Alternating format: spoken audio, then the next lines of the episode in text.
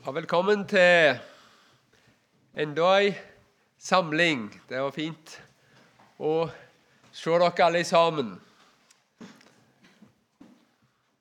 Noen var gjerne ikke her før, så da er du ekstra velkommen. Det er du. Jeg har anbefalt allerede et par kvelder to bøker, sant? Utenom Bibelen. Den er jo i en klasse for seg. Men det kan være gode bøker som vi kan få hjelp av, som kan peke på sannhetene i Bibelen for oss. Og Martin Luthers lille katekisme det, den er en viktig bok for oss. Så den bør du absolutt ta fram med jevne mellomrom. Og så har vi anbefalt den store katekismen, i tråd med Luthers egen anbefaling, at når du har eh, grunna og lært deg den lille katekismen, så, så tar du òg for deg den store. I tillegg i dag vil jeg anbefale ytterligere ei bok av Jan Bygstad som heter 'Orienteringspunkter i en forvirret tid'. Den har jeg lest med stort utbytte. Kapittel 1, eh, evangeliet hva er nå det? Ja, det er et godt spørsmål som gir svar på her. Kapittel 2 prøv åndene. Kapittel 3 for Guds ansikt.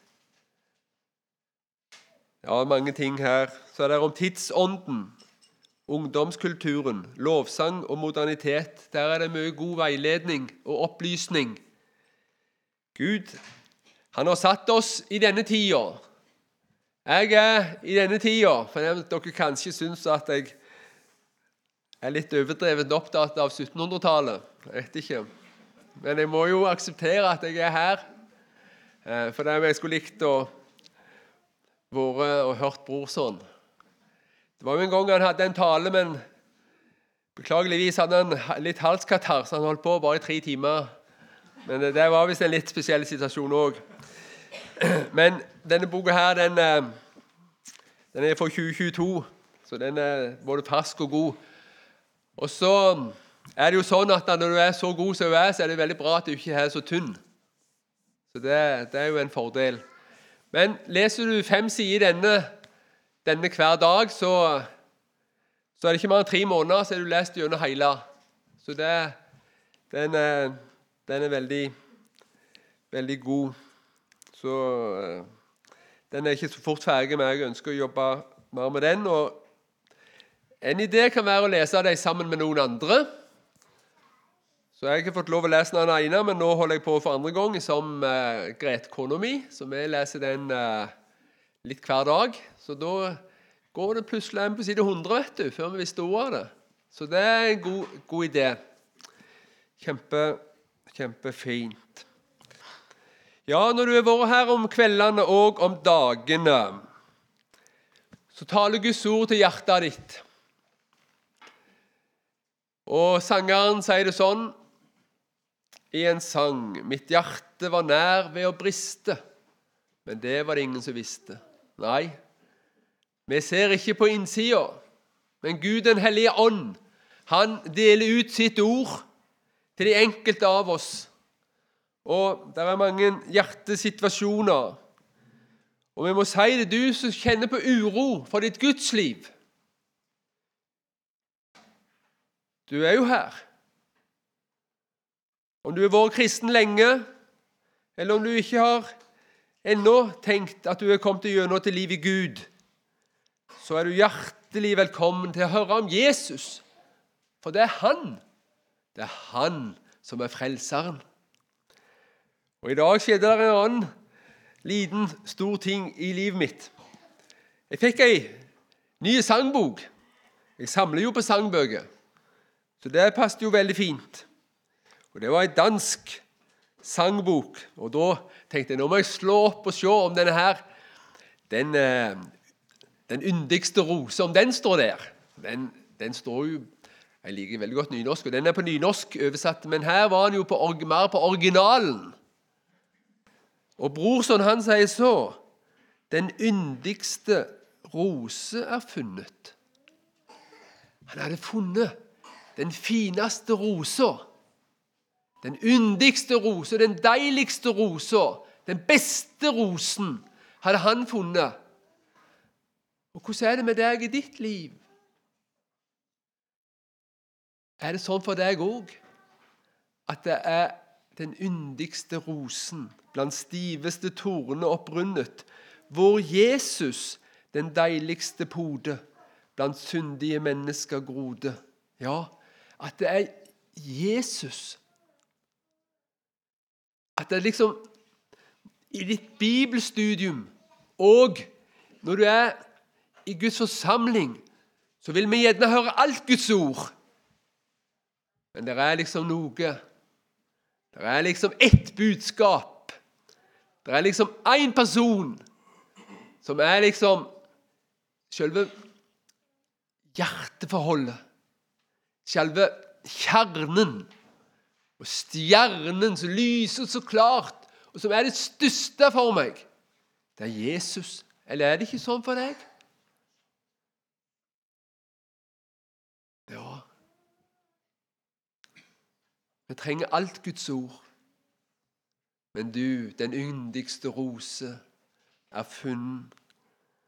Og så står det her i vers 6 Akk, søker de ydmyke steder. Ja, Gud han vil nok ydmyke oss og gjøre oss små. I støvet for Frelseren greder, så får i vår Jesus i tale, til rosene vokser i dale. Ja, Brorson han hadde det erfaring fra sitt eget liv. Denne her var jo den første var jo en del av det der første heftet Brorson ga ut i 1732. Eh, og Det var jo omtrent på den tida at hans eldste sønn eh, Hans eldste sønn han ble jo sinnssyk. Og at vært var lam ifra livet og ned. Og Til vanligvis så putta de sånne folk kanskje i fengsel. Nei, det kunne ikke brorson gjøre. Så han hadde et eget rom i huset sitt. Og i det samme året så mista han mora si. Og det var ting i livet. Synden som ble åpenbart. Den ble ydmyka på så mange måter. Men så sier han Ti rosene vokser i dale. Ja, akkurat der kom Jesus til han. Min Jesus, du stedse, altså du alltid skal være mitt smykke, min rose, min ære. De giftige lyster du døder, og korset så livlig forsøder. La verden meg alltid, allting betage. Ja, la verden ta ifra meg alt. La tornene rive og nage, la hjertet kun dåne og briste. Min rose jeg aldri vil miste. Ja. Jesus, takk at vi får lov å høre om deg. Og takk at du bor i ordet ditt. Og vi ber om det. Må du bli vårt hjertes skatt, hemmelighet, dyreste eiendom, for tid og for evighet. Opplys ditt ord, og send det inn i vårt hjerte og sinn, Herre. Det ber vi om òg i denne kveldsstund. Amen. Første kongebok, der dukker jo Elias opp litt ifra intet. Han blir kalt for tisbitten. Det betyr vel antakeligvis at han eh, kom ifra, ifra byen Tispe. Så ble han kalt for Tisbitten, men han hadde flytta til Gilead, ser det ut til. Og så sto han for kongen. Det står i, rett over i andre kongebok at klærne hans var en kamel hos Kappe, og, og beltet om livet det var i skinnreim. Det var visst en enkel kledning, men etter hvert så ble det jo det selve profetkledningen. Så sto han for Akab. Men hemmeligheten i hans liv og tjeneste var jo at han sto ansikt til ansikt med Gud. Og Hvis du står ansikt til ansikt med Gud, så får du komme det som komme vil, så kan du si til Herren, 'Her er jeg'. Still lemmene dine til rådighet for sannheten, for Gud. Ja, han, han vil eie deg, og han vil bruke deg, du som hører Jesus til. Eh, denne tida her, da fikk de oppleve mye underfullt. Det var jo ei tid med store under for 500-700 år siden. Sant? Når du går tilbake til Moses med de store tegn og under. Men du hører ikke så mye etterpå det. Er det veldig, er det veldig rolig på den sektoren. Men her igjen, med Elias og Elisa, i denne veldig mørke tida her, så ser vi at det blir mange tegn og under igjen. Eh, og vi hadde i går om oppholdet ved Kritt. Tenk at ravnene kom med brød og kjøtt om morgenen og med brød og kjøtt om kvelden. Og vi skal ha litt mer om enka i Sarepta i dag. Tenk de kunne bare ta hånda ned i mjølkrukka. Og så, for det om de hadde tatt den siste håndfullen forrige gang, så var det jammen mel igjen. Ja, for, ond. Og sånn kunne det vare i flere år. Ja, mange ting.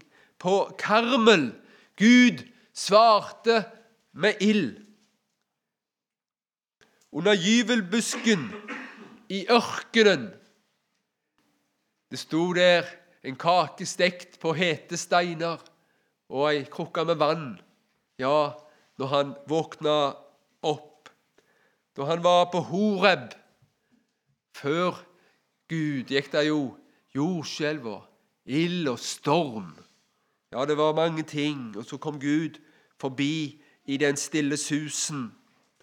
Møtet med Akasha sine utsendinger, og, og det ble kalt ild ned over utsendingene.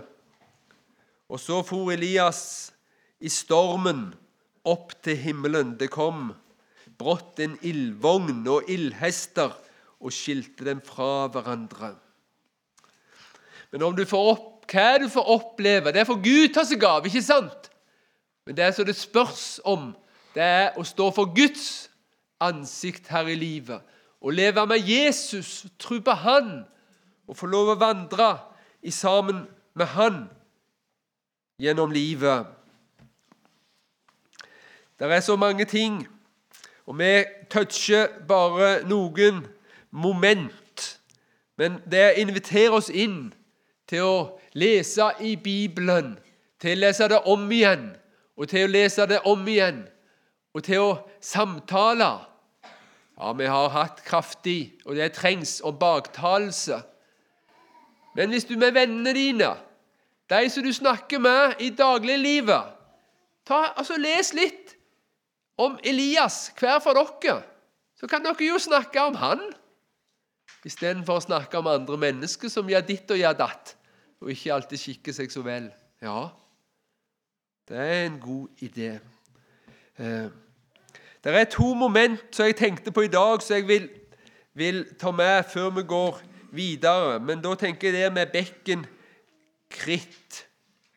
Eh, og da var det jo sånn som vi leste i går, ifra vers 5 tar jeg nå. Så gikk han og gjorde som Herren hadde sagt. Han gikk til bekken Kritt, øst for Jordan, og oppholdt seg der. Ravnene kom til ham med brød og kjøtt om morgenen, og de kom med brød og kjøtt om kvelden, og han drakk av bekken. Og så, Ut ifra det så tenkte jeg på Jeremia. Jeg skrev det opp her for ikke å glemme eh, nøyaktig hvor det står, men Jeremia 15. Jeremia 15. Det minner meg om eh, parallellen til Elias ved bekken.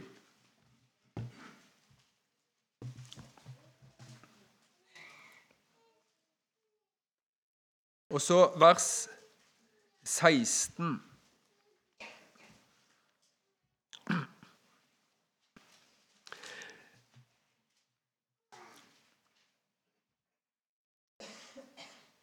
Jeg fant dine ord, og jeg åt dem. Der har du det som har gått som en, en rød tråd denne uka. Det er Guds ord. Det er å få mat og næring for sin sjel fra Guds ord. Jeremia sier, 'Jeg fant dine ord, og jeg åt dem.' Og dine ord var til fryd for meg og til glede for mitt hjerte. For jeg er kalt ved ditt navn, Herre, herskarenes Gud. Ja, fikk å ete, spise Guds ord. Ravnene kom med brød og kjøtt om morgenen og med brød og kjøtt om kvelden, og han drakk av bekken. Sånn skulle du òg få lov til å spise Guds ord. Altså, kan en tenke når Gud dekker bord for deg, så er det som om du er på en måte på Slottet, og kongen, kongen kommer med de fineste retter. Og så tenker du nei, jeg er jo ikke i slekt med kongen engang, føler du. Og du, du, du eh, Nei, denne maten er for fin for meg. Det er ikke sikkert vi har sånne tanker i Norge når det gjelder mat, for vi er så godt vant. Og det er så, på en måte så lite stansforskjell. Men du, i det åndelige riket så vet jeg, og har møtt, og jeg har møtt meg sjøl òg Jeg kan tenke når, når bordet blir dekt på, så tenker jeg nei. Jeg kan forstå, Det er for de andre, ja. Det forstår jeg. De andre kan, de andre kan med frimodighet forsyne seg av landets gode ting. Evangeliet og alt det Jesus har gjort, og alt det Jesus har vunnet. Men kan jeg? Ja. Det er dekka på for deg. Jeg fant dine ord, og jeg åt dem. Ravnene var sendt til deg for at du skulle få mat. Det er den ene sida. Men så tenkte jeg òg på Elias når jeg tok neste vers. Der sjå Jeremias. Jeg har ikke sittet i de lystiges lag og jublet. Grepet av din hånd har jeg sittet ensom. Ja, hvordan tror du noen har trodd at, at, Elias kanskje var et helt år der ved bekken Kritt. Og det, det hørtes jo Det var sikkert spennende, men det var nok ensomt òg. Og hvem har ikke kjent på det? Kristne ungdommer. Jeg kjenner meg sjøl igjen. Når jeg gikk på Jeg var 20 år og gikk på jordbruksskole på Vefsn i i Nordland. Jeg var, Det var ikke så lenge siden jeg hadde sittet inn i evangeliet da. Å, hvor godt det var å kjenne Jesus! Men det var ensomt òg. Det var liksom ikke gjenklang. Nei, det var helt, helt andre ting som var kjekt for deg. Da kan du føle deg ensom midt i din rikdom. Men du, da må du tenke på at, at du får ha Jesus. Ja. Det er noe som følger med. Det er noe av det ensomheten. Da må du ikke gi opp, ungdom, når du kjenner deg alene, når du kjenner et press. Nei, da må du si 'Jeg må få lov å følge Jesus'. Da må du spørre deg sjøl hvem er det som har kjøpt meg til Gud med sitt blod. Hvem som har gitt alt for meg? Det er Jesus. Ja, jeg må få være med Han. Og vi blir helt alene. Det er ikke det at jeg er så stor og så sterk, og at jeg er tøff nok, eller noe sånt. Nei, jeg er ikke tøff.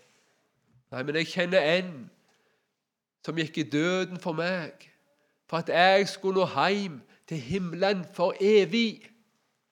Ja, og hvis hvis de andre ikke vil til himmelen, da blir jeg jo ensom her i tiden. Men en dag så skal du stå for tronen. Og det er en skare. Den er så stor så ingen kan telle, men alle er der av samme grunn. De er kjøpt med lammets blod. Ja, hvem er de, og hvor kommer de ifra? De har tvetta sine kjortler og gjort dem hvite i lammets blod. Og derfor er de for hans trone ja, og tilber han i hans tempel. Ja, og han reiser sin bolig over dem. Og der skal vi bo. Der skal Guds folk bo. Tenk så godt å få bo der. Ja. Men det var Samtidig skal vi ikke bagatellisere og si Jeremia var djupt fortvila. Du kan lese mer en annen gang i kapittel 15. Det er beinhardt. Den som forbanner den dagen han ble født. Hvorfor døde jeg ikke i mors liv? Da er det ikke lett å være kristen. Det er ikke lett å være et Guds sendebud når det der er sannhet. Ja, nei, du må sier Gud. Her må du skille mellom det edle og det uedle. Kjøtet du, du kan aldri stole på det, verken det godt eller gale. Ja, det må ikke vurdere ut ifra kjøtt og blod her. Det er Guds ordet. Det er Guds ordet. Derfor vil jeg si du skal få lov å øse vann med glede av frelsens kilder. Ja, det er ikke lett når en føler seg uverdig, men faktisk så kan du med frimodighet gå og øse vann. Ja, Gud sier det. Øs vann her, av frelsens kilder. Med glede øse vann av frelsens kilder. Og bekken strømma på, men det var jo tørke i landet. Og så tørka bekken bort. Står det her i vers Var det vers sju, kanskje? Skal vi se Ja. Men da det var gått en tid, tørket bekken bort, for det kom ikke regn i landet. Og så leser vi fra 8 til 16. Da kom Herrens ord til ham, og det lød så. Stå opp og gå til Sarepta, som hører til Sidon, og bli der. Jeg har befalt en enke der å gi deg mat. Han sto opp og gikk til Sarepta. Da han kom til byporten, fikk han se en enke som gikk og sanket ved. Han ropte på henne og sa, 'Hent litt vann til meg i en skål, så jeg får drikke.' Da han nå gikk for å hente vann, ropte han etter henne og sa, Ta med et stykke brød til meg. Da sa hun, Så sant Herren din Gud lever, jeg eier ikke en brødbit. Jeg har bare en håndfull mel i krukken og litt olje i kruset. Nå går jeg her og sanker et par stykker ved for å gå hjem og lage det til for meg og sønnen min, så vi kan ete det og så dø. Men Elia sa til henne, Frykt ikke. Gå hjem og lag det til som du har sagt. Lag bare først et lite brød til meg av det, og kom ut til meg med det. Siden kan du lage til noe for deg og sønnen din. For så sier Herren, Israels Gud, melkrukken skal ikke bli tom, og oljekruset ikke mangle olje, helt til den dagen Herren sender regn over jorden. Hun gikk og gjorde som Elia hadde sagt, og de hadde mat, både han og hun og hennes hus, i lang tid. Melkrukken ble ikke tom, og oljekrukken manglet ikke olje, slik som Herren hadde talt gjennom Elia. Men en tid etter dette hendte det at sønnen til konen som eide huset, ble syk. Stopper der. Elia han ble sendt til Sarepta. Nordriket var jo den nordre delen av Israel, sant? Og hovedstaden var Samaria. Men Sarepta lå enda lenger nord. Eh, som regel i kartene på Bibelen der står ikke Sarepta inntegna, eh, men ofte står Sidon og Tyrus inntegna på kysten der oppe. Og midt imellom Sidon og Tyrus, der lå Sarepta. Med flere moment i den sammenheng. Det første kunne være han ble sendt for å være hos en hedningekvinne. Det andre momentet er at han ble sendt hjem til Jesabel sitt område. For far til Jesabel, han var jo konge i Sidon. Så når Gud ville ta seg av sin profet, så sendte han han på en måte inn i løvens hule. Der skulle han være. I Lukas 4 der skal vi se på en liten detalj. For der nevner Jesus den store nåde det var for enka at at, unnskyld, at Elia ble sendt. Lukas 4. Det er når Jesus er i synagogen eh, der i Nasaret. Så eh, taler han om den nåderike Gud, eh, og at vi har intet å kreve, men at han sender sitt ord. Og eh, her sier han i vers 25 Jeg, Sannelig sier jeg dere, det var mange enker i Israel i Elias' dager, den gang himmelen var lukket i tre år og seks måneder, da det ble stor hungersnød over hele landet. Men ikke til noen av dem ble Elias sendt, bare til en enke i Sarepta i Sidons land. Det er akkurat som Jesus sier at den enka den var heldig. Ja, det var jo. For Elia ble sendt til henne. Men i første kongebok der ser du saken fra en litt annen synsvinkel. For der er det formulert litt annerledes. Det står ikke noen motsetning, men det utfyller og belyser hver andre. Og det er i vers 9. Stå opp og gå til Sarepta, som hører til Sidon, og bli der. Jeg har befalt en enke der å gi deg mat. Det er akkurat som perspektivet i første Mosebok.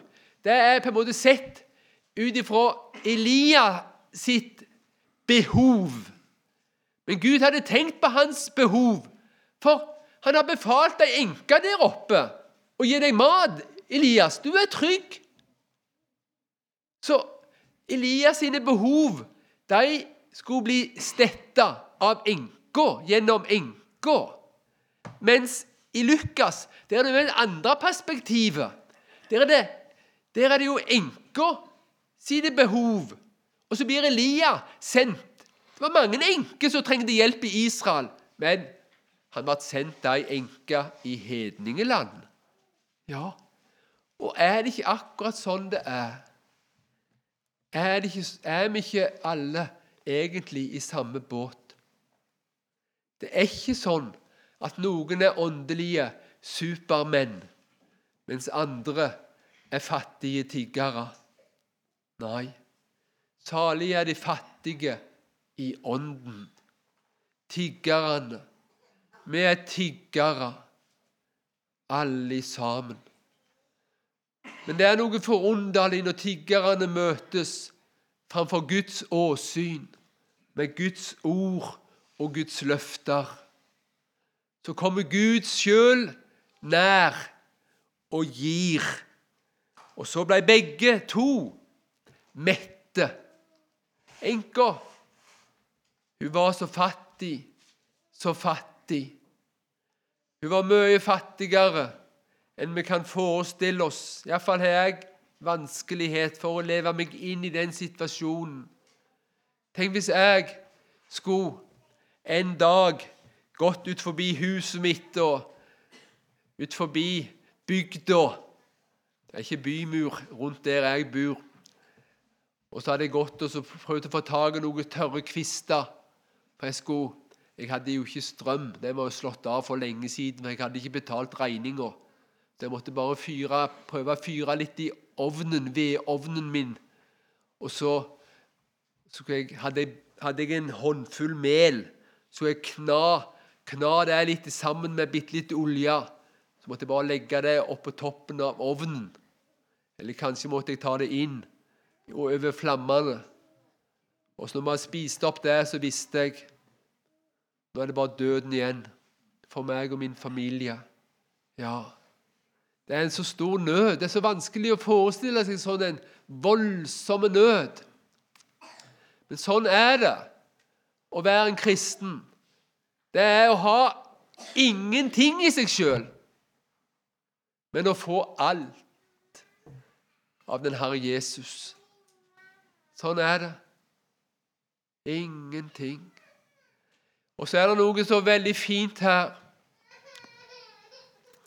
Er det noe så veldig fint, noe som jeg tenker på for min egen del?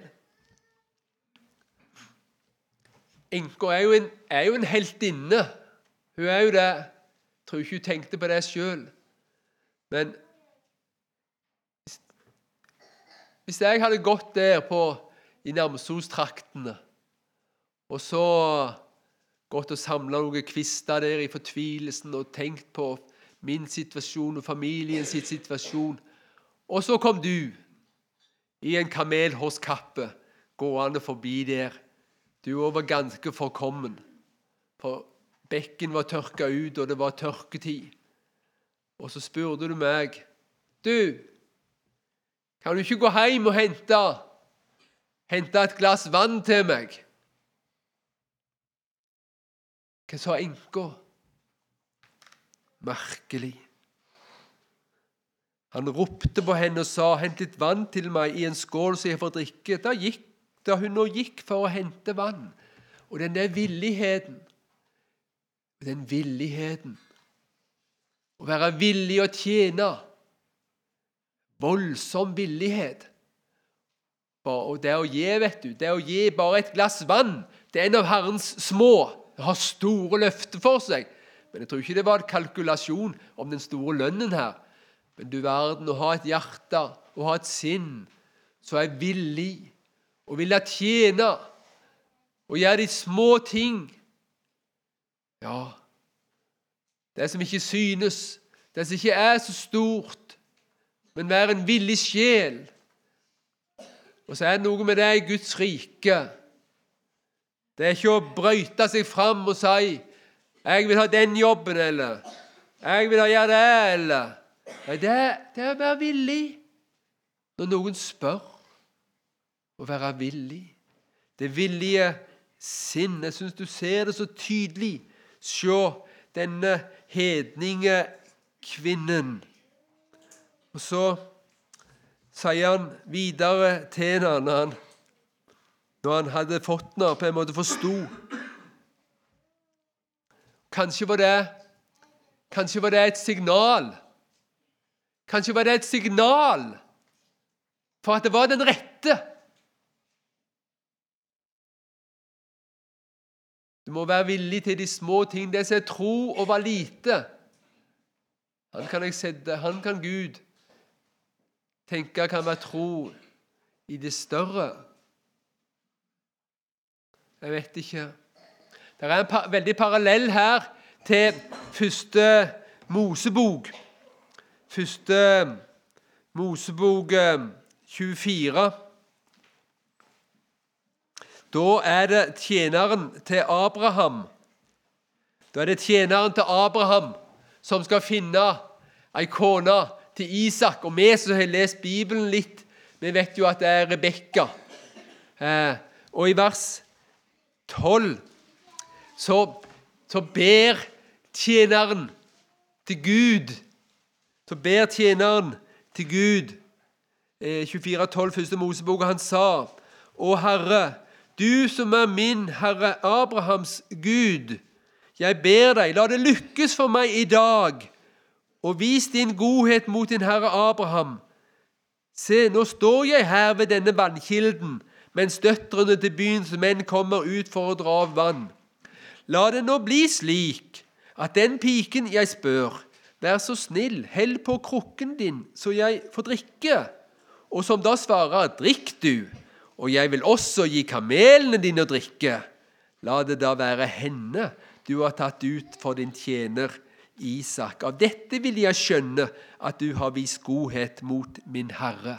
Ser du det? Han er på jakt etter den villige. Han ville spørre om han kunne få litt vann. Og den som sa, 'Ja, jeg vil gi deg vann', men jeg tenker jo at dyrene dine òg trenger vann. Jeg skal hjelpe deg med det òg. Det ville han ta som et tegn på at det var den rette. Og Uten at det skal bli noe veldig ekteskapskurs, så må vi jo si det at det er jo veldig fin innstilling inn mot ekteskapet å være en som er villig til å hjelpe. Og Derfor skal vi se òg det fra to synsvinkler. Når du skal bli en god ektemann eller en god ektehustru, så skal du være villig til å hjelpe. Men òg når du er på jakt og ser etter en mulig god ektefelle, så skal du se. Hva skal du se etter? Ja, om de tror på Jesus, ja. Det er nummer én. Og så skal du se om de er villige til å hjelpe. Eller om de bare trår, til det, trår og har lyst på det høye, bare nyte. Bare like mye bedre å bli servert kaffe enn å gi et kaldt vann å drikke til en stakkar som trenger det.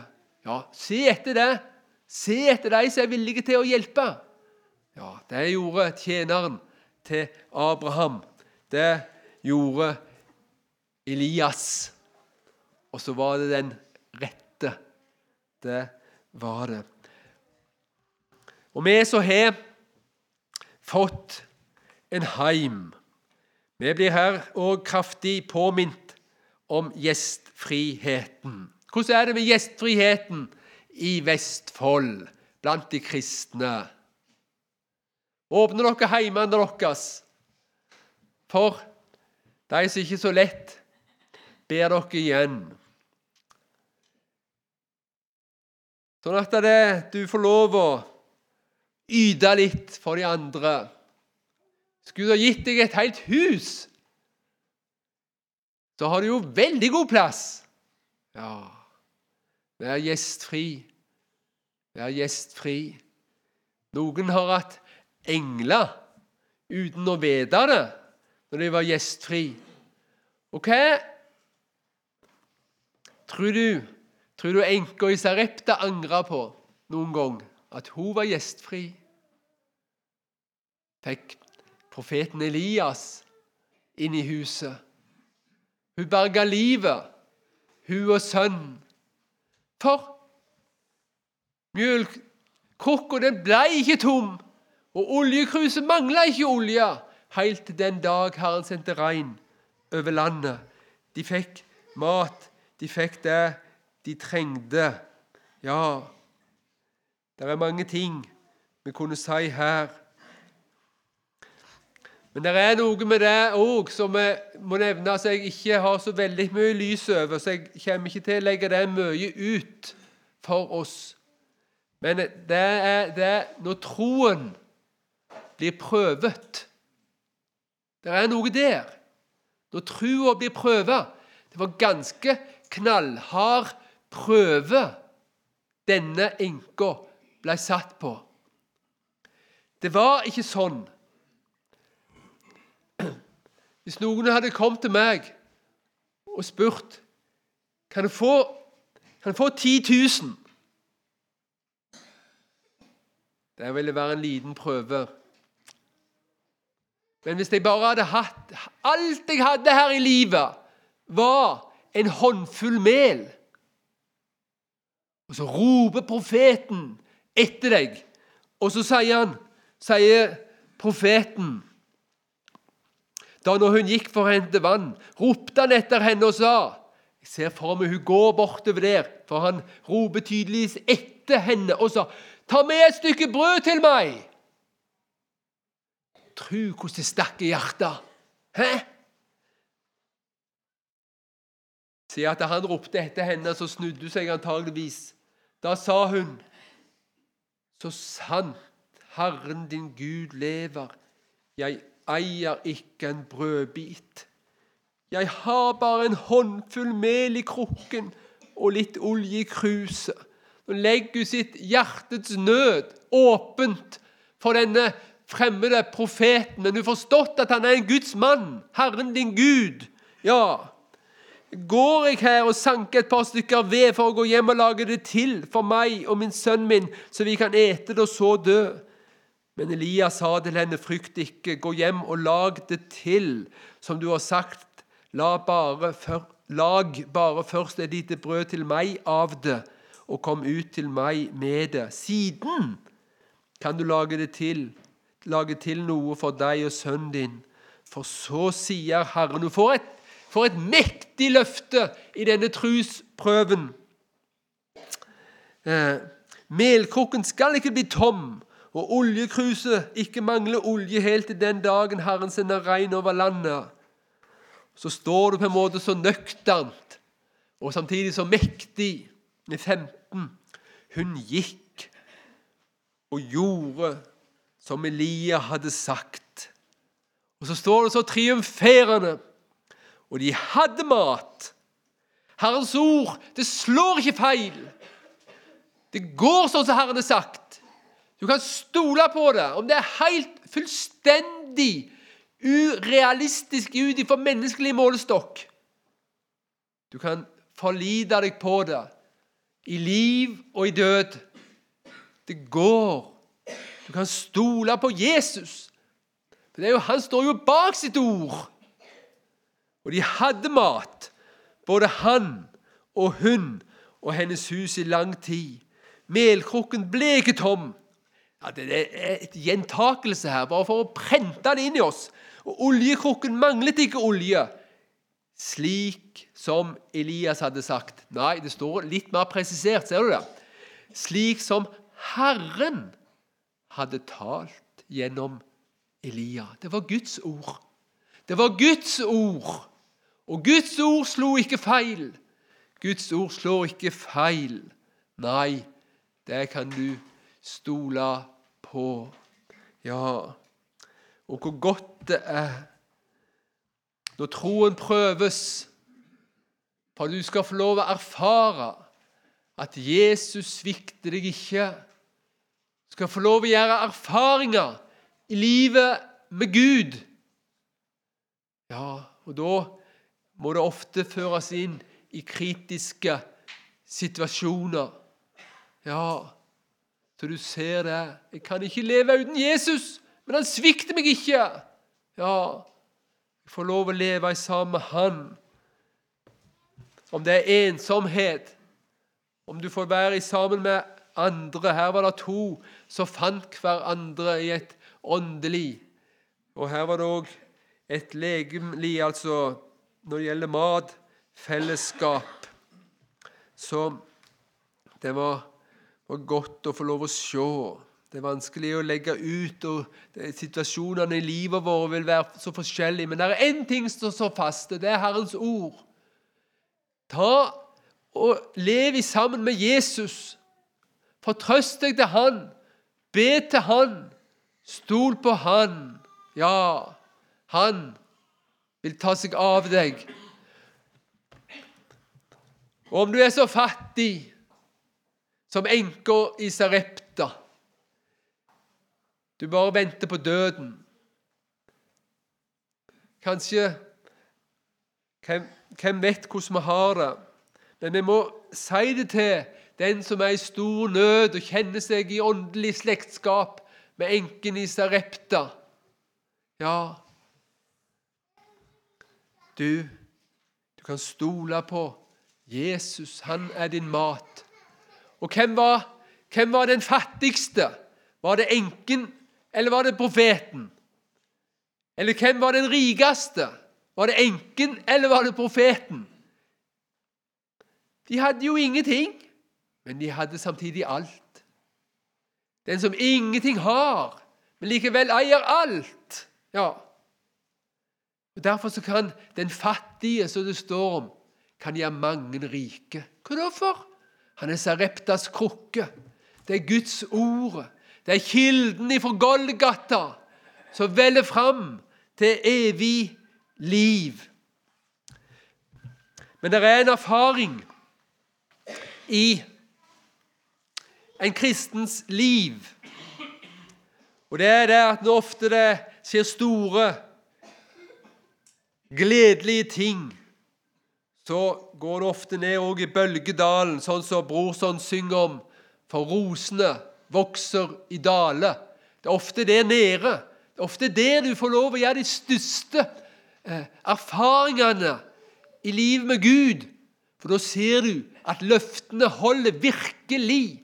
Jesus er en frelser for virkelige syndere, og han vil føre deg hjem til himmelen. Og vi har, husker jo Unnskyld. Husker jo 2. Timoteus 3,16 at Guds ord er nyttig. Guds ord arbeider på deg. Guds, når du slipper Guds ord løs på deg, så arbeider Guds ord på deg til lærdom. Du får stadig lære Gud mer å kjenne i ordet, til overbevisning. Du lærer at du er en synder, og du må skamme deg over ditt eget liv og kjød. Men han reiser òg opp den falne til oppreisning og til opptuktelse i rettferdighet. Og Det er jo det som skjer her. Nå har han fått profeten inn i huset. Ja, hva er det da? Jo, det står her Vi begynte så vidt på det i 17. Men en tid etter hendte det at sønnen til konen som eide huset, ble syk. Og sykdommen ble så svær at det til slutt ikke var livspust i ham. Da sa hun til Elia, 'Hva har jeg med deg å gjøre, du Guds mann?' Jeg tror, jeg tror det er litt den såre tonen. Det er ikke den harde tonen, men det er den såre tonen. Men det er jo en veldig nød når barnet er dødsens. Du er kommet til meg for to ting. Ser du det? For å minne meg om min synd og la sønnen min dø. Ja, sånn vil det være når du kommer nær, når du kommer nær til, vet du. Når profeten billig talt flytter inn i huset ditt, når Guds ord kommer til deg, når du har jevnlig kontakt med Guds ord, da blir du minnet om jeg og synd. Da ser du at du er en synder stor. Det er all min navne ære. Og du kan være fortvila. Ja, det er fortvila. Og en kan komme inn i anfektelse og nød og håpløshet. Ja, Jesus, du har også kommet for å minne meg om min synd. Ja, jeg er ikke kommet for å minne deg om din synd. Jesus sa ikke det. Nei, det var ikke så alvorlig meint. Jeg har skrevet en del i, i ordet mitt. Men det var mest for å skremme deg. Nei, det er alvorlig meint. Alt Guds ord. Du blir minnet om synden og syndens alvorlighet og syndens følger. Og så blir skrekken jaga inn i samvittigheten. Og så må du til Jesus, for du sier deg er redd for å gå fortapt, Jesus. Jeg er så skuffa over meg sjøl at jeg er sånn som jeg er. Hva skal jeg gjøre? Skal du springe bort ifra Jesus? Hva har jeg med deg å gjøre, du, du Guds mann? Ja, det er noe der. Hun må ha likevel. Du husker Peter. Gå fra meg, Herre for jeg er en syndig mann. Det betyr jo ikke at han ville bli veldig glad hvis Jesus sa ja, nå går jeg, ha det godt, nå får du klare det. Men han, det, er, det er den følelsen, opplevelsen, av uverdighet, av syndighet. Ta deg født, ta deg sko, på føttene, for stedet du står på, er hellig grunn. Ja, jeg må frykte for den levende Gud. Minne meg om min synd. Åpenbare synden i livet. Ja. Og så ser du at det er mange følger av synden. Personlig kan vi Og ting som er ifra syndefallet, men som vi er personlig ansvarlig for i Adam, jeg og du. Du er kommet til meg for å minne meg om min synd og la sønnen min dø. Men det er utganger fra døden hos Herren. Og visstnok så har denne delen av teksten blant rabbinere fra eldgammel tid blitt tolka som et tegn på de dødes oppstandelse. Og det er òg en fin illustrasjon på det at han blir vekt opp til nytt liv. Så svarte han henne, 'Gi meg sønnen din.' Så tok han ham fra hennes fang og bar han opp på loftsrommet hvor han bodde, og han la ham på sengen sin. Så ropte han til Herren og sa, 'Herre min Gud, har du da også ført ulykke over denne enken hvor jeg bo, får bo som gjest, så du lar hennes sønn dø?' Så strakte han seg tre ganger bortover barnet og ropte til Herren og sa, Herre min Gud, la sjelen vende tilbake til dette barnet. Og jeg tenkte på det vi hørte var det ikke i går i, i Hosea. Han skal gjøre oss levende. Hvordan var det uttrykket var? På den tredje dag. Og Her òg kommer jo det tretallet inn i bildet. Det minner oss om Jesus og hans oppstandelse. Så strakte han seg tre ganger bortover barnet og ropte til Herren og sa, 'Herre min Gud, la sjelen vende tilbake til dette barnet.' Og Herren hørte Elias' bønn. Barnets sjel vendte tilbake, så det ble levende igjen. Elia tok barn og barnet ned fra det øverste rommet i huset og ga det til moren, og han sa, 'Se, sønnen din lever.' Da sa kvinnen til Elia, 'Nå vet jeg at du er en Guds mann.' Ja, det hadde hun vel visst lenge, men hun fikk jo en stadfestelse på det. Ja, tenk at han, hun fikk hjelp. Det er ikke alltid vi får hjelp. Det er ikke alle som får hjelp i sin, sin nød på det legemlige, menneskelige plan, sånn at det blir hela igjen. Men de får alltid hjelp. For Gud han lar alt bli vendt til det gode for sine. Men det er ofte vanskelig å forstå. Det er en annen ting. og vi, vi ser ikke stort lenger enn til nesetippen, men Gud han ser helt inn i evigheten. Ja, han, Du kan være trygg på det. Du kan rolig få lov å hvile i hans hånd. Men da sa kvinnen til Elia, nå vet jeg at du er Guds mann, og at Herrens ord i din munn er sannhet. Ja, vi kom visst ikke lenger i dag.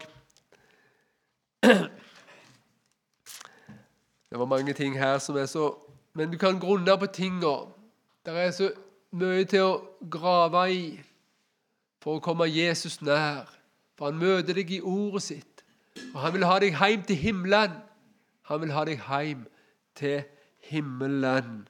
Ja, så ta imot Herrens ord. Ta imot Herrens ord. Ja, en dag så er det slutt. Jesus kom igjen.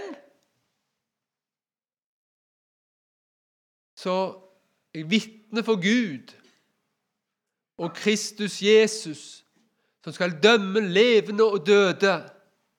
Og ved Hans komme og Hans rike, forkynn ordet. Hør ordet. Vær rede i tide og utide.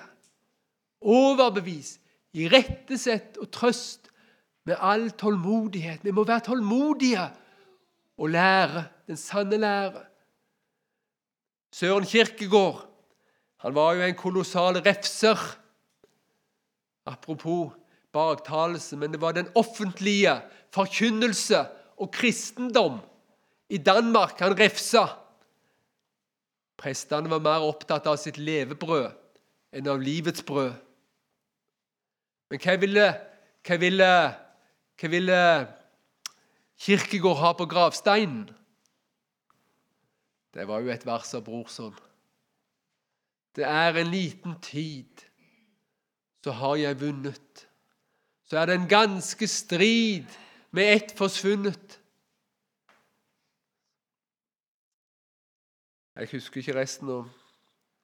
Så skal jeg hvile meg i Rosendalia og uavlatelig med Jesus tale. Ja, er det ikke det? Tenk å få møte Jesus. Det er bare en liten stund igjen. Det er bare en liten tid.